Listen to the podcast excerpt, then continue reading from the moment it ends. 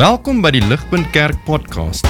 As Ligpunt Gemeente is dit ons begeerte om God te verheerlik deur disippels te wees wat disippels maak en 'n kerk te wees wat kerke plant. Geniet hierdie week se preek.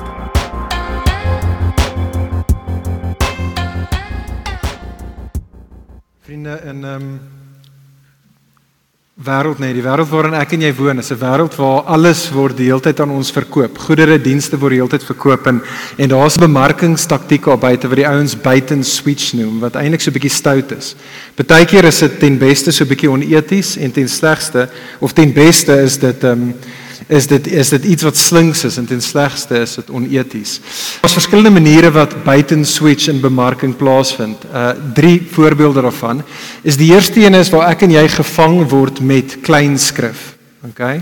En so voor hierdie is 'n true story. Dit het my gebeur. Jy ry op die N1 teen 120 uur, daar's 'n groot advertensiebord wat vir jou sê dat jy kan by ek gaan nie die name noem nie, by hierdie burger joint kan jy 'n burger koop vir R30. En so jy los letterlik alles, nê? Nee? Jy ry soontoe want jy wil nou daai R30 burger gaan koop. Jy kom, die kassier sê vir jou, "Sorry, meneer, het jy nie die klein skrif gelees nie?" As jy gekyk het op daai teen 120 km se uur, sou jy gesien het op die advertensiebord baie klein aan die onderkant het dit gesê dis op Dinsdae aande wat jy die burger vir R30 kan. Nou as jy daar die reke het jou gevang, dan koop jy die burger vir R70. Dis hoe hulle jou kry. Dis hoe hulle my kry. 'n um, ander manier, 'n ander manier van buiten switchte van dit wat aan ons verkoop word. Dink aan 'n printer. Jy kom daar sit jy of waar ook al jy kort 'n printer, 'n bargain, jy kan 'n printer kry vir R1000. Jy koop hom awesome, maar na 'n maand moet jy die cartridge vervang vir R500 en weer die volgende maand. En so gaan hulle anyway hulle geld uit jou uitmaak. Dit is hoe hulle ons vang.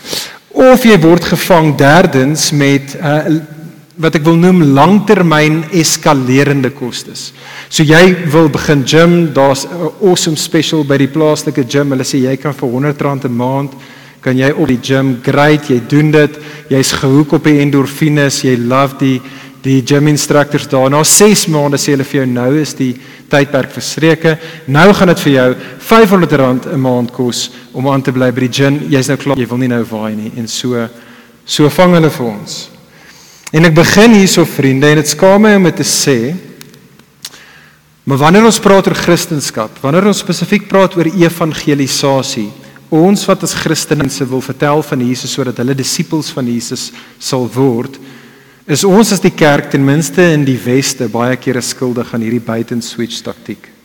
Dis iets wat ons baie kere aan skuldig is waar ons in ons beginner te kry om disippels van Jesus te word, geneig is om of die klein skrif so 'n bietjie stil te hou van wat dit beteken om 'n disipel te wees of om die inherente koste daarvan die langtermyn implikasies van disipelskap nie aanvanklik aanduidelik te maak aan ander nie. Wat ons so baie kere doen vriende in ons begeerte om ander te sien disipels van Jesus word ons probeer die deur so wyd as moontlik oopmaak ons probeer die hoogspringlat so laag as moontlik stel dat soveel as moontlik men kan deel word van die kerk deel word van Jesus se disipels dit is wat ons baie baie kere doen Maar vriende, wat ek wil hê ons moet sien in hierdie gedeelte wat vir ons gelees was in Lukas 14, is dat toe Jesus oorsprong persoon disippels gemaak het, was Jesus nie skuldig aan hierdie buiten switch taktik nie.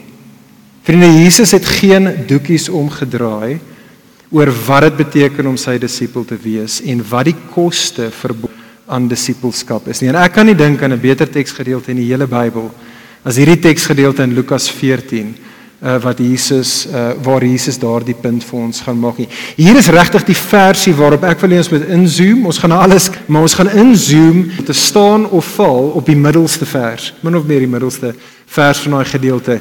Lukas 14 vers 26. Die skokkende man, dit klink absoluut crazy stelling wat Jesus maak in Lukas vers 26. So kom ek lees dit vir ons.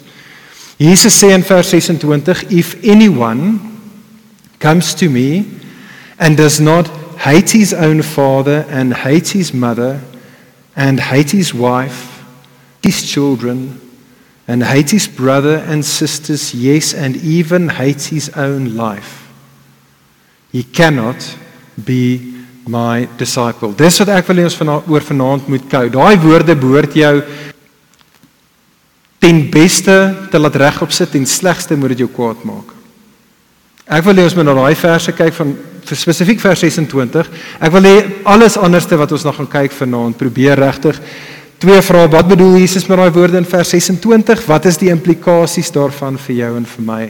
Dit is wat ek wil hê ons moet sien. Hier is dan die eerste vraag. Wat bedoel Jesus met daai woorde daar vriende in vers 26? Hier's 'n tip teks aan die kant.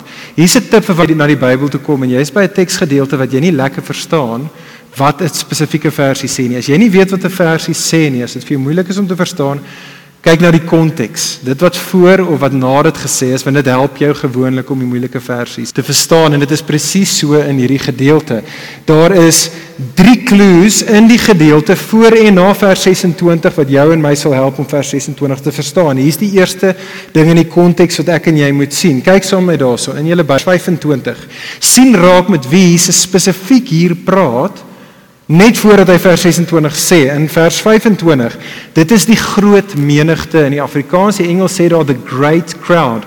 Nou as jy die evangelie van Lukas dan is die great crowd soos 'n karakter in die evangelie. Reg deur die evangelie van Lukas vind jy the great crowd wat vanaf die begin af tot die einde is. Die great crowd die die groot menigte in in die evangelie van Lukas verteenwoordig daardie persone wat aanvanklik baie opgewonde was oor Jesus. Man, hulle het geloof die wonderwerke wat Jesus doen. Hulle het aan Jesus se lippe gehang. Niemand het nog ooit die tipe van goed gesê wat Jesus gesê het nie, maar die groot menigte, die great crowd was 'n was 'n groep mense gewees wie se entoesiasme baie oppervlakkig was toe Jesus later nie vir hulle presies gee wat hulle uit wou gehad het nie is die selfde ouens wat aanvanklik gesê het Jesus is awesome. Kom ons sing liedjies vir Jesus. Hy's wonderlik.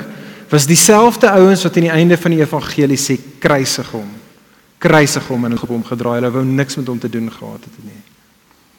Met ander woorde, vriende, Jesus se woorde in vers 26 word gerig aan 'n mense wat met selfgesentreerde motiewe na Jesus toe kom. Hierdie woorde word gespreek aan die wat 'n oppervlakkige verstaan het van wie Jesus is. Die wat 'n oppervlakkige verstaan het van wat dit beteken om vir Jesus te volg. Hier is die tweede ding in die konteks wat ons moet verstaan. Die tweede ding is om te sien dit wat Jesus gesê het net voor die woorde van vers 26 en dit is die gelykenis.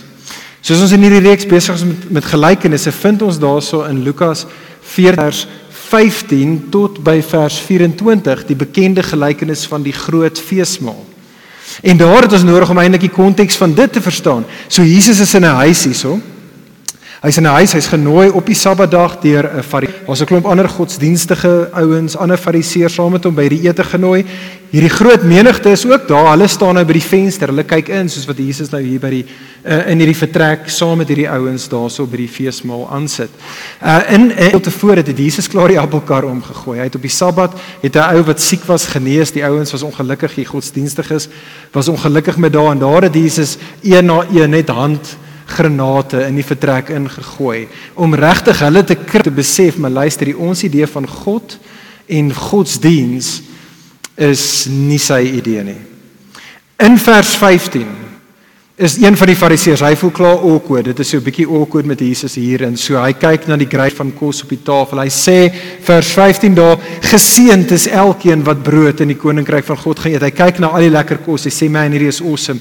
Maar hoor jy gaan dit nie great wees die dag as ons almal gaan aansit by die groot feesmaal nie. En so Jesus besluit nog 'n handgranaat, okay? En hy gooi vir hulle nog 'n handgranaat. Hierdie is die gelykenis wat Jesus vertel. Jesus sê vir hulle, vir hulle soos hierdie fariseer wat dink oor ons is die insiders, ons gaan daar wees. Vertel Jesus die storie van 'n eienaar, 'n eienaar wat gaan groot feesmaal hou. So hy stuur sy dienskneg uit. Hy sê vir sy dienskneg gaan en gaan nooi my gaste en so die dienskneg gaan uit en kom by die eerste ou. Hy sê vir hom luister hier, awesome nuus, jy's genooi na hierdie groot partytjie wat menaar gaan hou. En die eerste ou sê luister dit klink great, maar jy weet wat ek het nou net 'n erf gekoop en ek moet gaan moet gaan goederes uitsorteer daar. So weet jy, ek gaan hierdie ene mis. Ek is volgende keer sien ek julle by die volgende groot feesmaal. Die diensknegt gaan na die tweede tweede ou. Hy sê vir hom kom, jy's genooi na my eienaar se groot partytjie toe. Hy sê, weet jy wat? Dit klink so goed.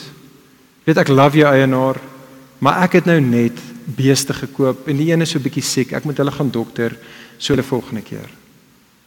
Die diensknegt gaan na 'n derde, na 'n derde ou toe wat genooi was. Hy sê vir hom kom.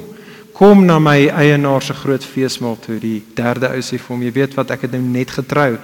Ek en my vrou gaan actually nou op honeymoon. Dit is bietjie belangriker. Ek gaan soon toe, jammer.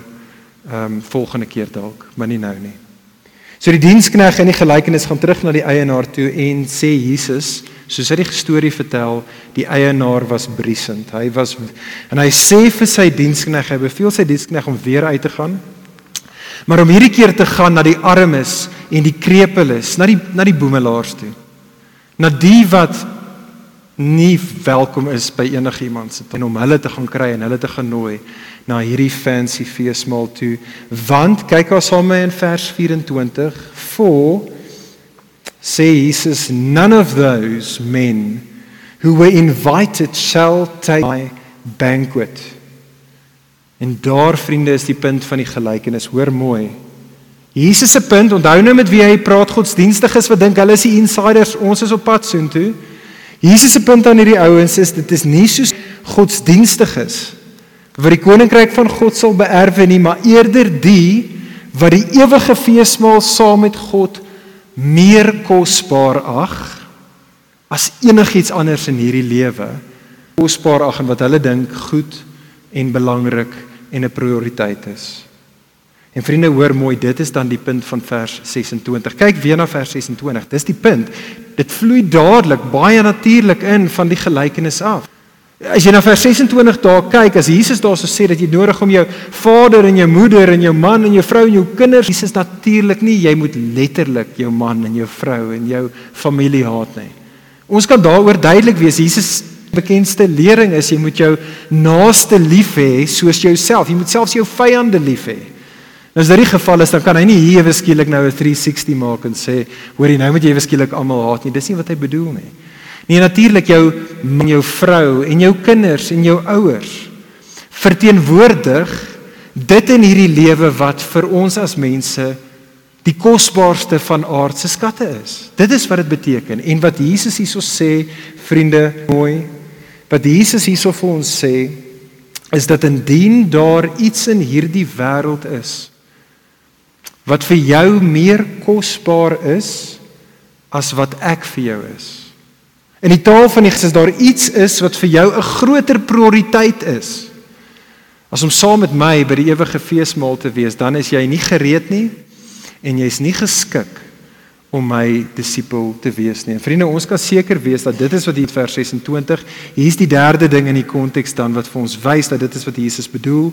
Die derde ding is die versies na dit. En kyk hoe bevestig dit dieselfde punt. Kyk na vers 27. Jesus sê, "Whoever does not bear his cross and come after me cannot be my disciple." 'n Kruis was natuurlik in Jesus se tyd 'n simbool van dood. En so Jesus sê hierso vir die groot menigte, onthou want hy praat spesifiek hier met die fariseërs hoor, die fariseërs hoor mooi. Hy sê vir hulle indien julle nie bereid is om julle lewens neer te lê nie julle lewensprys te gee ten einde in 'n verhouding met my in te tree en Jesus sê dan is jy dit nie. Julle is nie dan geskik om my disippels te wees nie. En net indien ons hierdie punt gekry het nie, is dit presies hoe Jesus dit eindig. Dit is hoe Jesus hierdie hele hierdie hele gedeelte eindig. Kyk weer daarna die woorde van vers 33. Laaste versie, net sodat Jesus dit kan bold en underline vir ons, sê hy, "So therefore Hier's my opsomming sê Jesus, my conclusion. So therefore, any one of you who does not renounce all that he has, everything, cannot be my disciple. Kom ek probeer verduidelik regtig wat by die hart lê van wat Jesus hier kommunikeer aan die hand van 'n illustrasie. Dis 'n simpel illustrasie. So, imagine daar's hierdie ou en hierdie meisie, hulle date nou al vir 6 maande, 'n jaar. Die ou kom en hy sak op een knie voor sy girl neer en hy haal 'n ring uit en hy sê vir haar: "Hoor, sal jy met my trou?" En sy sê vir hom: "Ja, verseker, dit sal amazing wees om met jou te trou. Dit sal great wees, maar daar's net twee goedjies wat ek net vinnig vir jou wil sê. Bietjie klein skrif. Wat ek vir jou wil sê is ek is nog nie heeltemal oor my ex heeltemal nie. En uh, hy bly nou, hy bly nou in 'n ander stad. Ehm um, en so ja, dit is fyn, maar as hy ooit weet sou terugkom en hy wil soos gaan vir 'n movie of vir 'n etes sal graag nog steeds met hom wil uitgaan vir die movie. Of daar's hierdie ander ou by die werk en hy's so regtig nice. En as as hy vir my sou nooi op 'n date, sal, sal dit vir my om dalk 'n bietjie tyd met hom te spandeer, maar buite vir ex ou, nuwe ou, hoor jy ek is so in vir hierdie verhouding. Ek is so in hierdie huwelik. Ja, ek sal met jou trou. Ek wil dis ridiculous. Ek wil wie in sy ou en sy regte kop sal ja sê vir so 'n verhouding. Maar vriende, vir een of ander rede is dit wat ek en jy met Jesus doen. Vir een of ander rede dink ek en jy sal Jesus tevrede wees met so 'n verhouding. Dit is die taal, is dit nie wat die Nuwe Testament gebruik? Ons verhouding met Jesus is 'n verbondsverhouding. Dink aan 'n huwelik, dis die taal. Hy is die bruidegom, ons is die bruid. Vir een of ander rede dink ons Jesus sal half settle met so 'n verhouding waar ons skelmpies het, ons eintlike eerste liefdes het. En dit is Jesus se punt hierso. Jesus maak dit duidelik vriende in hierdie gedeelte dat om waarlik sy disipel te wees is nie soos die fariseërs in vers 1 om iemand te wees wat net deur godsdienstige hoop spring omdat jy hoop om eendag by die hemel uit te kom nie maar om sy disipel te wees is ook nie soos hierdie groot menigte om agter Jesus hardloop en oppervlakkige entoesiasme te hê want jy hoop Jesus kan vir jou nou hemel op aarde gee. Nie een van daai twee is wat ware disippelskap is nie. Nee, om waarlik Jesus se disipel te wees, is om iemand te wees vir Jesus sien as meer kosbaar as enigiets anders. Hy is jou eerste liefde, hy is jou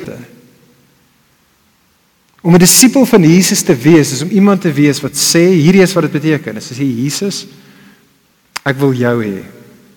Wat ook al dit kos. Wat ook al dit kos Jesus, ek soek jou. Kyk saam met my op die skerm woorde van Dietrich Bonhoeffer. Soos wat dit op die skerm opkom, weet nie wie van julle ken vir Dietrich Bonhoeffer nie. Uh dis hy was 'n 'n Duitse uh teoloog, predikant in die Tweede Wêreldoorlog. En um, hy was uiteindelik uh in die tronk gegooi deur die nasies en hy het gesterf letterlik, ek dink soos 2 weke voor die einde van die Tweede Wêreldoorlog. Net voor hy gesterf het in sy laaste jaar of twee het hy 'n boek geskryf, The Cost of Discipleship. En hierdie is wat Dietrich Bonhoeffer gesê het. Lees saam met my. Hy sê the cross is laid on every Christian. The first Christ suffering which every man must experience is the call to abandon the attachments of this world. It is that dying of the old man which is the result of his encounter with Christ. As we embark upon discipleship, we surrender ourselves to Christ in union with his death. We give over our lives to death. Thus it begins. The cross is not the terrible end to an otherwise God fearing and happy life, but it meets us at the beginning of our communion with Christ. When Christ is a man, He bids him come and die. Al wat ek wil hê ons nou moet doen in die tweede gedeelte van ons tyd saam is om te dink oor die twee groot implikasies vriende van hierdie waarheid van vers 26. Beide in die gelykenis, dit wat voor en wat na deur Jesus gekommunikeer is. Twee implikasies vir jou en vir my van vers 26. Hier's die eerste een. Vriend, vriendin, bereken die koste daarvan om vir Jesus te volg. Bereken die koste daarvan om vir Jesus te volg. Kyk sommer weer in daai gedeelte. Daar's twee illustrasies. Het jy dit opgetel daar in vers 28 tot vers 32 wat Jesus gee? Die eerste illustrasie vers 28 tot 30 is van 'n bouer en dit is 'n redelike eh, eh, prentjie wat Jesus hier gee om te verstaan. Jesus sê dink aan 'n bouer as 'n bouer besluit om 'n gebou te bou. Voordat hy begin bou, dan stop hy eers en hy doen 'n kosteberekening. Hy hy hy dink daaroor hoe die geld het ek die manskappe om hierdie gebou te bou. Want sê Jesus in sy illustrasie, as hy net begin bou sonder dat hy eers 'n kosteberekening gedoen het, dan gaan hy net halfpad bou en op die einde gaan dit lei tot sy bespotting. Dan gee Jesus 'n tweede illustrasie wat presies dieselfde punt maak. Dis die prentjie wat Jesus gee van 'n koning besluit om oorlog te maak teen 'n ander koning. Jesus sê voordat 'n koning besluit om oorlog te maak teen 'n ander ou, dan stop hy eers. En hy en hy en hy maak eers hy doen eers die somme. Hy hy hy vra vir homself, hoorie, het ek die krag? Het ek die ammunisie, die manskappe om hierdie fight te wen? Want anders sê Jesus in sy prentjie, as hy net inspring en hy begin fight en hy het nie die kosteberekening gedoen nie, dan gaan dit tot sy ondergang lei. En so sê Jesus dit krities vir elkeen wat 'n disipel van hom wil wees om eers te stop en te begryp wat Jesus vra van die wat hy roep om sy disippels te wees. En wat is dit? Hy vra alles. Hy vra alles. Jesus sê voor jy besluit om my disipel te wees, stop eers besef wat ek vereis, besef wat ek van jou vra, besef wat dit beteken, dit is disippelskap. Dalk sit jy vanaand jy's nog nie 'n disipel van Jesus nie. Kan ek jou nooi, vriend, vriendin, is so goed dat jy hier by ons is. Kom asseblief tog weer. Jy's op die regte plek. Maar soos wat jy hierso is, kan ek jou kan ek by jou plek in die koste voor jy besluit om vir Jesus te volg. When Christ calls a man or a woman, he bids him or her come and die. Besef dat dit is Christendom. Besef dit. Lees skrif. Dit is wat Jesus ons tot roep. Ja, Jesus roep vir ons. Hy roep jou, nie Christen, hy roep jou tot 'n nuwe lewe, maar dit impliseer per definisie dat hy roep ons om 'n ou lewe agter te laat.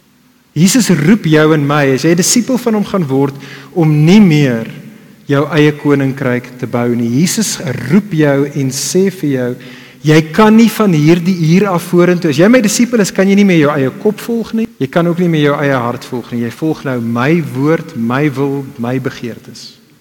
Besef dit.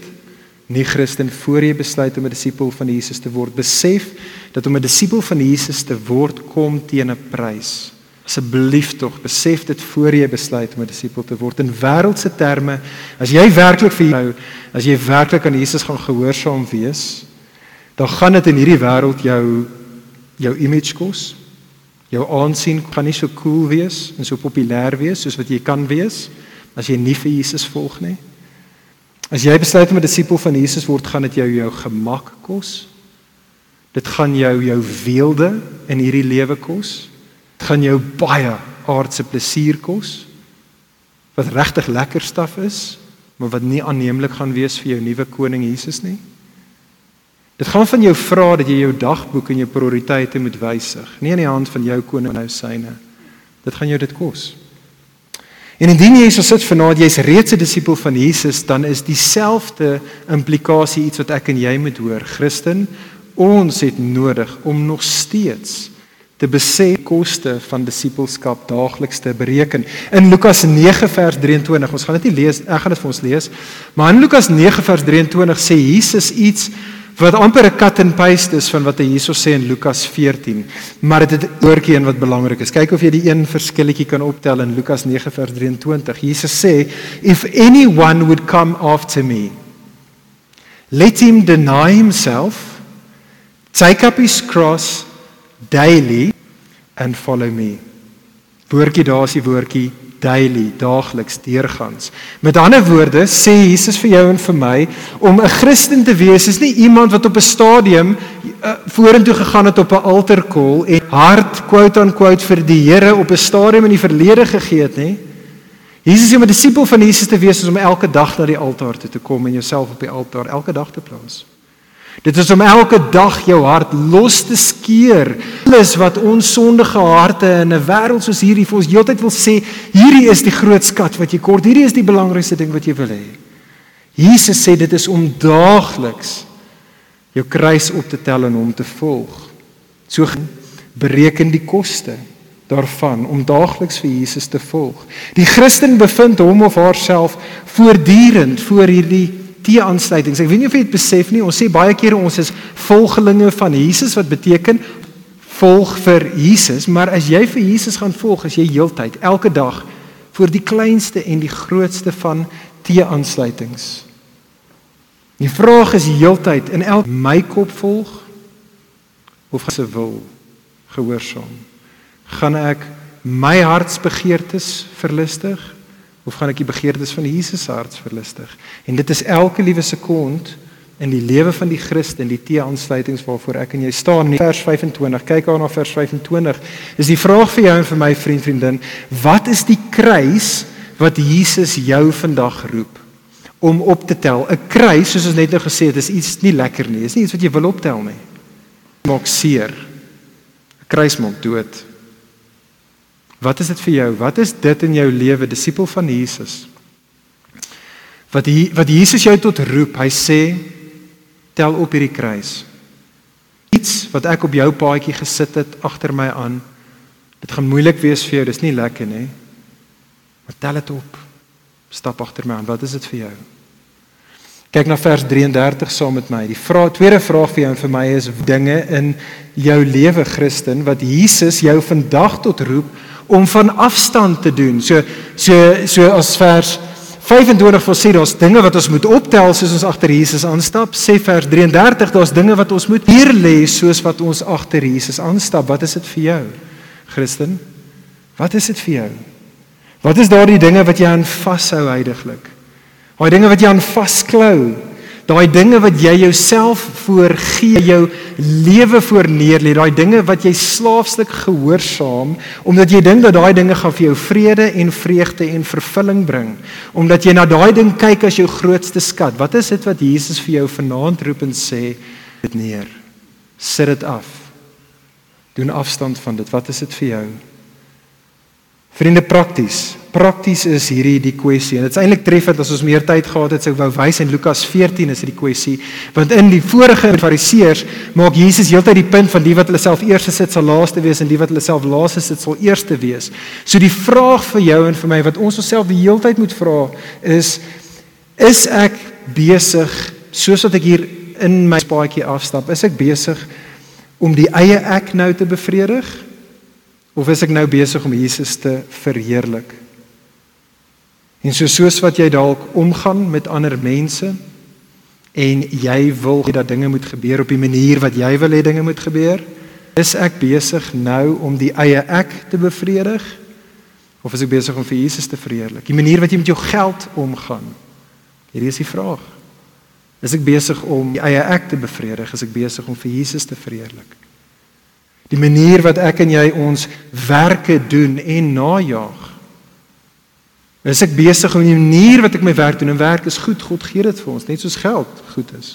Maar as jy jou werk doen, hierdie is die vraag, disipel van Jesus, is ek besig om die eie ek te bevredig of is ek besig om vir Jesus te verheerlik? Soos wat ek en jy in 'n romantiese verhouding wil intree met iemand.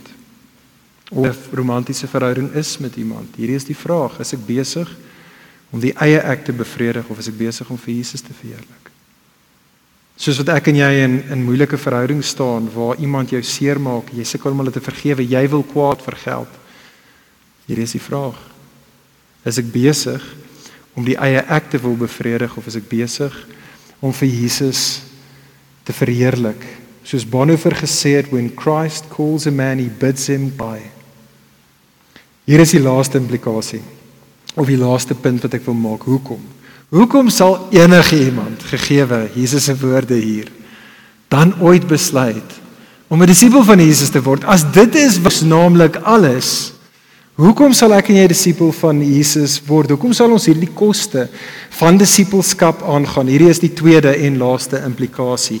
Ons het gesê bereken die koste daarvan om vir Jesus te volg. Nou wil ek besef besef die wins wat dit is om vir Jesus te kies. Besef die wins daarvan om vir Jesus te ken. Vriende, dis eintlik eenvoudig, nê? Nee, dink daaroor. Die enigste rede hoekom ek en jy ooit dis aangaan om enige iets te bekom is want ons is oortuig dat dit wat ons betaal is heeltemal die moeite werd gegee hoe kosbaar die ding is wat ons wil hê. Ek wil dit maak sin. En so vriende is dit met Jesus. Dit is omdat Jesus so kosbaar is. Dis vir daardie rede hoekom dit nie net goed is en goed is om die kostes aan te kom met wys is. Jesus is kosbaar vriende en hy's kosbaar gegeewe wie hy is en wat hy gedoen het. Dis die evangelie. Hoor weer vanaand op nie die kyk gou vinnig saam met weer na daai gelykenis daar. Sien jy jouself in daai storie? Want ek en jy is in daai storie. Jy sien ek en jy is vers 21. Die armes en die krepeles, die blindes en die verlamdes. Dis ek en jy. Ons is se mense wat van nature nie welkom is by die tafel nie. Ons is 'n mense sê die Bybel wat weens ons sondes is ons se mense wat nie waardig is en geskik is en gereed is om aan te sit by God se heilige ewige maal nie. Maar sien ook in die storie raak vir Jesus. sien jy vir Jesus daar? Want jy sien Jesus vriende is niemand anderste as die eienaar self wat gekom het nie. Hy het nie net sommer 'n ander dienskneg. Jesus is God, die eienaar wat self in hierdie wêreld ingekom het in die gebroke vyle vuil slums van jou en my sondige bestaan ingekom het en Jesus het gekom en Jesus het om ons te kry by die feesmaal. Kyk in die taal van vers 26. Jesus het sy vaderhuis verlaat. Jesus het letterlik vers 27 sy kruis opgetel. En hy het Golgotha toe gestap en hy het geweet wat dit hom gaan kos. Hy was bespot en hy was geslaan en vers 33 Jesus het daar op die kruis alles prys gegee. Hy het alles prys gegee selfs sy Vader se guns. Die teenwoordigheid van sy Vader, hy het dit prys gegee. Hoekom? Sodat hy ons die armes, die krepeles, die wat buite in die slums gelê het sodat hy ons kon kry, ons kon skoon was en 'n ticket kon gee om saam met hom by die ewige feesmaal aan te sit. Vriende, dis die Jesus van die Bybel. Daar's nie 'n ander God soos dit nie. Daar's niemand wat jou beter ken as jou Skepper nie en daar's niemand wat vir jou meer omgee as jou Vader nie. Dit is Jesus. Dit is Jesus. Dit vriende is dan die eintlike wins daarvan om vir Jesus te ken. Die wins is dit die rede hoekom dit die moeite werd is om die kos. Vriende is nie net bloot omdat Jesus vergewe jou sondes en omdat ek en jy eendag by 'n feesmaal gaan wees vir alle ewigheid wat goed gaan wees nie. Die rede hoekom Jesus kosbaar is en hoekom hierdie wins is is omdat ons gaan saam met Jesus wees. 'n Ewigheid saam met hom wees, die een en ons gaan heel Hy is die een wat dit moontlik gemaak het vir ons, wat vir ons dit gegee het wat ons nie verdien nie, sodat ons vir alle ewigheid die goeie lewe saam met hom kan geniet. En ek wil hiermee afsluit. Weet dit vriende, soos wat jy vanaand hier so sit, weet dit. Lees asseblief tog vanaand die klein skrif van disippelskap. sien raak die koste verbonde aan disippelskap. When Christ calls a man, he bids him and die. Maar ek wil elkeen van ons aanspoor, gaan daai koste aan. Wil jy nie vanaand as jy dit nie gedoen het nie of dalk opnuut vanaand sê Jesus, ek is jou disipel. Ek is jou disipel. Doen dit vanaand. Dit is die wyse keuse om te maak. Jy sal nie armer daarvan wegstap nie. Jy gaan dan skatryk wees. Jy gaan skatryk wees want jy gaan vir Jesus hê. Ek wou sê in die woorde van Jim uh, is bekende woorde jy mag dit ook ken maar dit is sulke goeie woorde vir jou en vir my. Jim Elliot het gesê he is no fool who gives what he cannot keep to gain what he cannot lose. He is no fool who gives what he anyway cannot keep to gain what he cannot lose. Mag dit ons wees, mag ons wys wees. Mag ons se mense wees wat alles prys gee om Jesus as ons grootste skat te kry. Kom ek bid vir ons. Ag Vader, ons is ons is so dwaas. Ag Here, ons benodig so nuwe goddelike perspektief. Vir ons dankie vir die seun Jesus. Ons dankie vir sy woorde, vir sy gelykenisse, maar meer dit, ons dankie vir sy lewe. Jesus, ons dankie dat U het alles neergelê die oordeel wat ons verdien op Uself geneem. U was God verlate sodat ons vir alle ewigheid nie verlate hoef te wees nie, maar by die ewige feesmaal kan aansit. Here, ek bid vir elkeen wat vanaand hier is. Ag Here, dat ons die som sal doen en die wyse besluit sal maak en dat ons Jesus sal kies en skatryk sal wees. Ons bid dit in sy naam. Amen. Vir meer inligting oor Ligpunt Kerk, besoek gerus ons webwerf op www.ligpunt.com of kontak ons gerus by info@ligpunt.com.